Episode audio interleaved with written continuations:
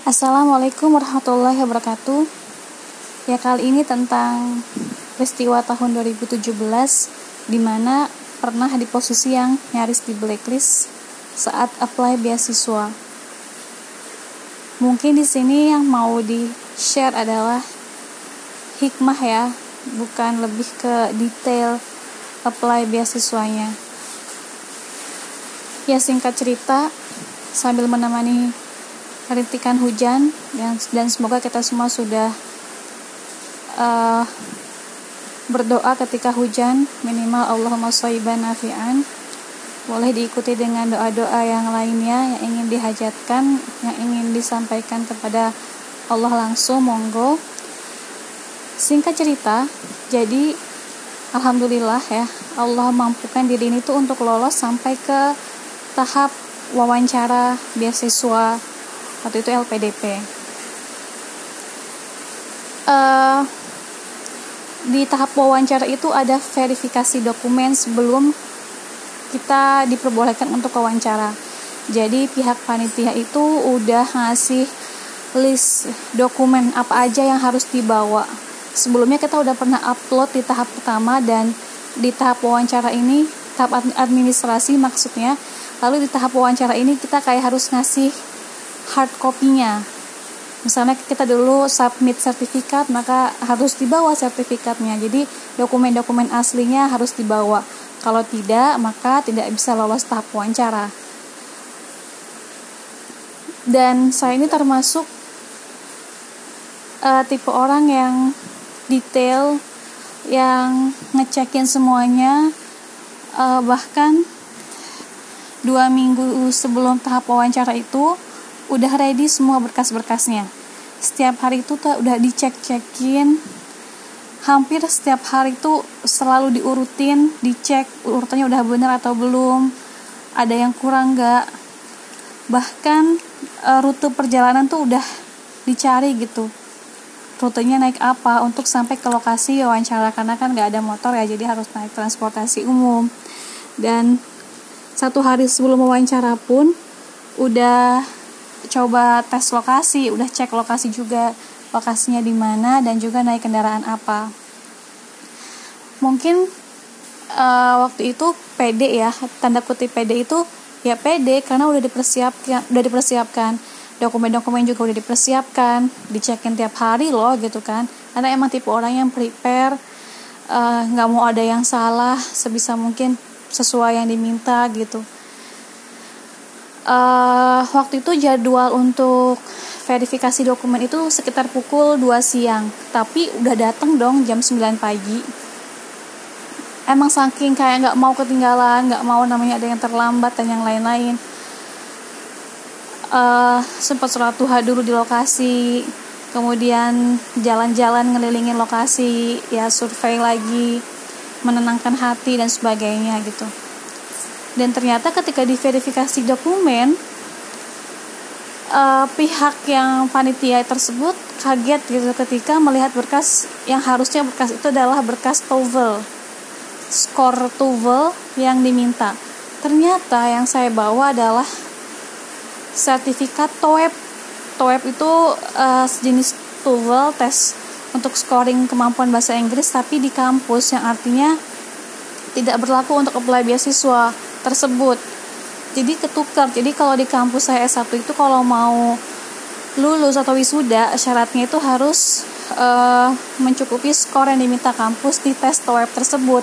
Kemampuan bahasa Inggris juga man mungkin uh, kesulitannya di bawah TOEFL dan yang saya bawa itu dan yang setiap hari saya cekin itu di otak saya merasa kalau itu adalah sertifikat TOEFL jadi saya kayak nggak ngerasa kalau ada yang salah selama ini.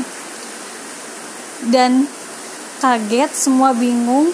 Akhirnya pihak manitia berunding dan dia cuma beliau cuma bilang e, saya kasih waktu sampai jam 4 sore di sini. Kalau emang nggak bisa ngasih yang asli kamu di blacklist karena dianggap pemalsuan dokumen. Kamu apply kemarin berkas apa? Ya terus saya ngerasa kayak ngerasa nggak enak juga lah selain mau terancam di blacklist. Kayak pemalsuan dokumen gitu. Ya Allah saya nggak pernah terpikir dan nggak pernah punya bayangan untuk memalsukan dokumen. Memang saya punya sertifikat TOEFL-nya tapi emang TOEFL-nya tuh kayak tertukar dan saya nggak tahu naruhnya di mana di kamar. Yang saya urutin di map adalah TOEP bahkan. Jadi tertukarlah sertifikat kemampuan bahasa Inggris. Ini ada dua ada TOEP sama TOEFL yang diminta sama LPDP TOEFL yang saya bawa TOEP di kampus S1 jadi sedangkan jarak dari wawancara ke ke kos-kosan itu jaraknya adalah dua jam karena lewat kereta, angkot, ya umum lah ya. Dan itu ketika disuruh keluar sama pihak panitia itu udah jam 3 kurang. Jadi kayaknya nggak mungkin kan, cuman punya waktu satu jam lewat sedikit untuk ke kos-kosan. Cuman kalau saya menyerah pun, sebenarnya udah banyak beberapa orang yang bilang, udahlah nggak usah dipaksain, bukan rezeki, daripada nggak selamat di perjalanan, kenapa-kenapa, udah ikhlasin kayak gitu. Tapi itu kaki tuh kayak kayak ngerasa kalau emang belum sampai finish, ya saya harus berusaha. Minimal kalau emang saya gagal, saya nggak nyesel karena udah sampai detik-detik akhir gitu. Masih ada waktu kan gitu entah kenapa ada tukang ojek tukang ojek di sekitar wawancara itu dan nggak pakai pikir panjang padahal uang lagi nggak punya banyak di di dompet ya langsung aja gitu eh, nyewa, nyewa ojek ke stasiun. Jadi jangan jalan kaki dan naik angkot karena terlalu menghabiskan waktu yang lama. Ya singkat cerita langsung sampai stasiun lalu naik kereta dan lama. Tahu kan kereta seperti apa? Komuter lain maksudnya dan muka saya itu udah gelisah. Saya udah cuman cuman punya aktivitas tuh WA orang WA ayah saya sendiri. Cuman minta doa habis itu saya tutup handphone karena tangan udah gemeteran takutnya handphone itu jatuh malah jadi masalah lagi. Dan saya cuman introspeksi ke diri bahwa oh ya kayaknya saya sombong deh kelewat percaya diri. Kelewat bahwa saya tuh mampu karena kemampuan saya. Saya bisa sampai tahap ketiga ini ya karena karena saya well prepare karena bla bla bla bla. Kayaknya tuh saya tersentak dengan kejadian ini. Allah pengen nunjukin bahwa sehebat-hebatnya kamu serapi-rapihnya kamu. Tapi kalau kamu lupa sama Allah atau mungkin terlalu terlampau percaya diri merasa mampu karena diri sendiri lupa inget inget tuh artinya mungkin zikirnya kurang kurang meminta dan sebagainya. Artinya ada kesombongan yang mungkin kesombongan itu nggak mesti harus diomongin di mulut kan kadang di hati kita sendiri tanpa kita sadari itu udah sombong. Dan langsung ingat beberapa kejadian yang mungkin namanya manusia ya. Saya pernah salah sama temen pernah mungkin ngelakuin hal yang menyakitkan temen. Itu jadi kayak film gitu berjalan di otak dan bawaannya selama perjalanan tuh istighfar istighfar istighfar. Saya cuma bilang ke Allah uh, ampun ya ampun ya Allah. Saya saya ngerti dari kejadian ini engkau pengen nunjukin apa saya cuma saya cuma mau berusaha kok kalau emang bukan rezeki saya dan ini dan harus saya mengalami ini gitu. Karena kalau nggak dikasih kejadian ini mungkin saya nggak akan sadar tentang kesalahan-kesalahan saya kesombongan-kesombongan dalam hati kekotoran hati penyakit hati. Ya saya ikhlas tapi saya tolong izinkan saya untuk berusaha sampai tahap-tahap akhir gitu. Dan di kereta itu ada ibu-ibu yang kayaknya ngamatin muka saya yang agak panik terus kayak nanyain masalahnya apa ibu tuh bilang aduh kalau kamu naik komuter lain sampai Tanah Abang lalu lanjut lagi ke Manggarai itu akan menghabiskan waktu lama dan gak akan tepat waktu. Jadi ibu itu nyuruh keluar di Tanah Abang dan langsung sewa ojek ke kos-kosan ke Rawamangun. Lokasi wawancaranya di uh, di stan ya waktu itu. Jadi Tangsel ya atau Jaksel ya daerah-daerah situ ke Jakarta Timur. Sampai kos-kosan tukang ojeknya belum dibayar dong masih nunggu di depan kos-kosan. Saya langsung ke kamar saya langsung mengingat-ingat di mana berkas itu. Takutnya terbuang di tempat sampah karena kan mungkin karena nggak ngeh karena saya pikir itu bukan sertifikat yang harus saya bawa gitu. Dan saya udah obrak-abrik lemari meja belajar bahkan lemari teman kos-kosan juga ikut saya bongkar itu nggak ada cuman bisa duduk di pojokan. Saya cuma berpikir ke depannya oke okay, saya akan di blacklist saya nggak bisa daftar beasiswa ini lagi. Saya mungkin akan lebih mencari pekerjaan berkarir sebagai tenaga pendidik fokus di sana dan mungkin uh, ya mencari jalan lain dan bukan beasiswa ini lagi. Lebih kayak ikhlas ya udah ya udah ya udah. Tapi entah kenapa air mata itu kayak kayak netes gitu karena mungkin ngerasa serius nih harus harus harus nggak lolos karena cuman berkasnya nggak teliti gitu. Yakin nih kayak gini gitu. Tapi mau gimana lagi? Terus kayak ngerasa sombong banget sih Wan kemarin-kemarin percaya diri banget sih. Dan sebagainya lah akhirnya muhasabah diri banget di kos-kosan itu. Sampai tiba-tiba bunyi klakson motor tukang ojek tuh makin kencang mungkin minta dibayar ya karena saya belum bayar tukang ojek itu. Dan saya bingung bayar pakai apa karena sebenarnya uangnya udah nggak ada. Ada di ATM tapi belum ngambil. Dan pasti butuh waktu lama buat nyari ATM akhirnya suara nangis saya itu ternyata kedengeran sama ibu kos. Ibu kos tuh datang sama anaknya ke kamar. Terus langsung uh, nanyain kenapa nangis? gitu ya singkat cerita ya beliau beliau akhirnya bantulah untuk nyari sertifikat TOEFL yang hilang itu. Padahal saya udah nyari ya maksudnya nggak mungkin ketemu juga kan. Kan saya udah ngobrol ngobrak semua tapi ibu itu tetap bantuin sama anaknya. Dan nggak jauh sekitar satu menit kurang kayaknya. Ibu itu langsung ibu itu langsung ibu itu langsung ngasih ini kayaknya sertifikat bukan bentuknya. Saya sih nanggepinnya udah kayak males karena ya bu, kayaknya bu ya bukan lah orang saya udah cari map itu udah saya cari. Pas dilihat ternyata itu sertifikatnya dan saya langsung cepat bilang makasih saya udah nggak banyak aktivitas lagi. Langsung turun tapi tiba-tiba keinget kalau saya nggak punya uang buat bayar ojek. Akhirnya ibu kos uh, ngasih pinjam uang. Waktu itu saya cuma bilang ke bapaknya pak tolong uh, anterin saya lagi ke stasiun Tanah Abang kurang dari kalau bisa jam setengah empat atau enggak jam 4 kurang 15 lah. Supaya 15 menit dari Tanah Abang apa bisa naik kereta lanjut lagi ke tempat wawancara gitu. Wah itu udah bener-bener perjalanan itu uh, hampir ya nyaris nggak pernah direm sama bapaknya. Uh, karena saya juga kasih tahu kalau kondisi saya sedang buru-buru sekali bahkan pernah e, bensinnya habis dan akhirnya ngisi di pom bensin dan panjang antriannya.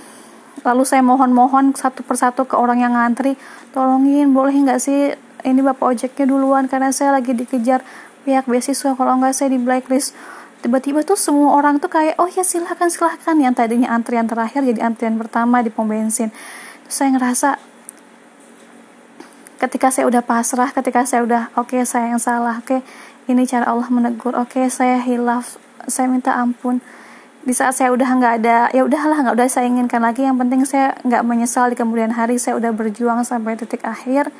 Ya qadarullah namanya lupa dan sebagainya ya udahlah itu namanya uh, pelajaran yang pelajaran besar yang harus saya ingat-ingat betul-betul ke depannya.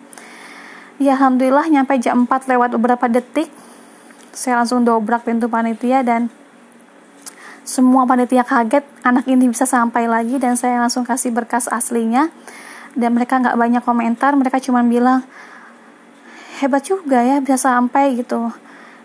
Sempat dibercandain sih karena lewat beberapa detik ya tapi mereka intinya mengizinkan dan akhirnya saya jadi uh, peserta yang diwawancarai terakhir terakhir karena hampir juri-juri juri-juri lagi apa interviewernya sudah beberapa sudah sudah keluar dari meja mereka masing-masing.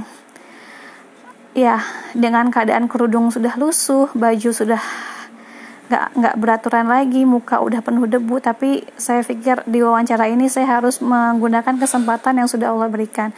Ya singkat cerita saya wawancara, lalu keluar dan saya udah nggak banyak berharap kayak saya harus lolos dan sebagainya karena bisa wawancara aja saya udah syukur artinya saya nggak di blacklist.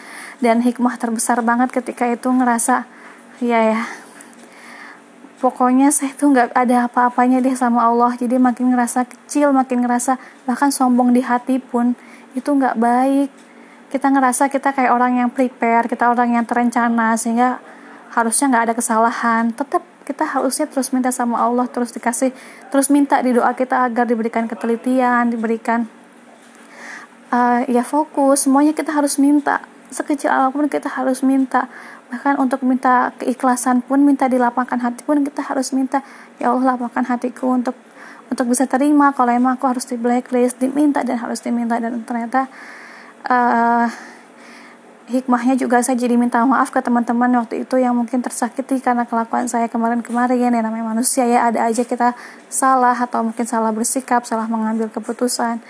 Jadi sampai sekarang pun saya ketika sudah lolos beasiswa ini pun saya nggak kayak ketika orang pengen uh, menunjukkan nih saya lolos beasiswa itu saya hampir nggak bisa seperti itu. Karena ngerasa pertama saya nggak di blacklist aja udah syukur alhamdulillah. Saya nggak ada rencana harus lulus tahun ini nggak. Saya mungkin berpikir akan coba di tahun depan yang penting nggak di blacklist lah. Kalau di blacklist tuh saya nggak bisa daftar beasiswa itu lagi sampai kapan pun gitu. Udah di blacklist karena ada pemalsuan dokumen kan alasannya. Jadi udah fatal banget.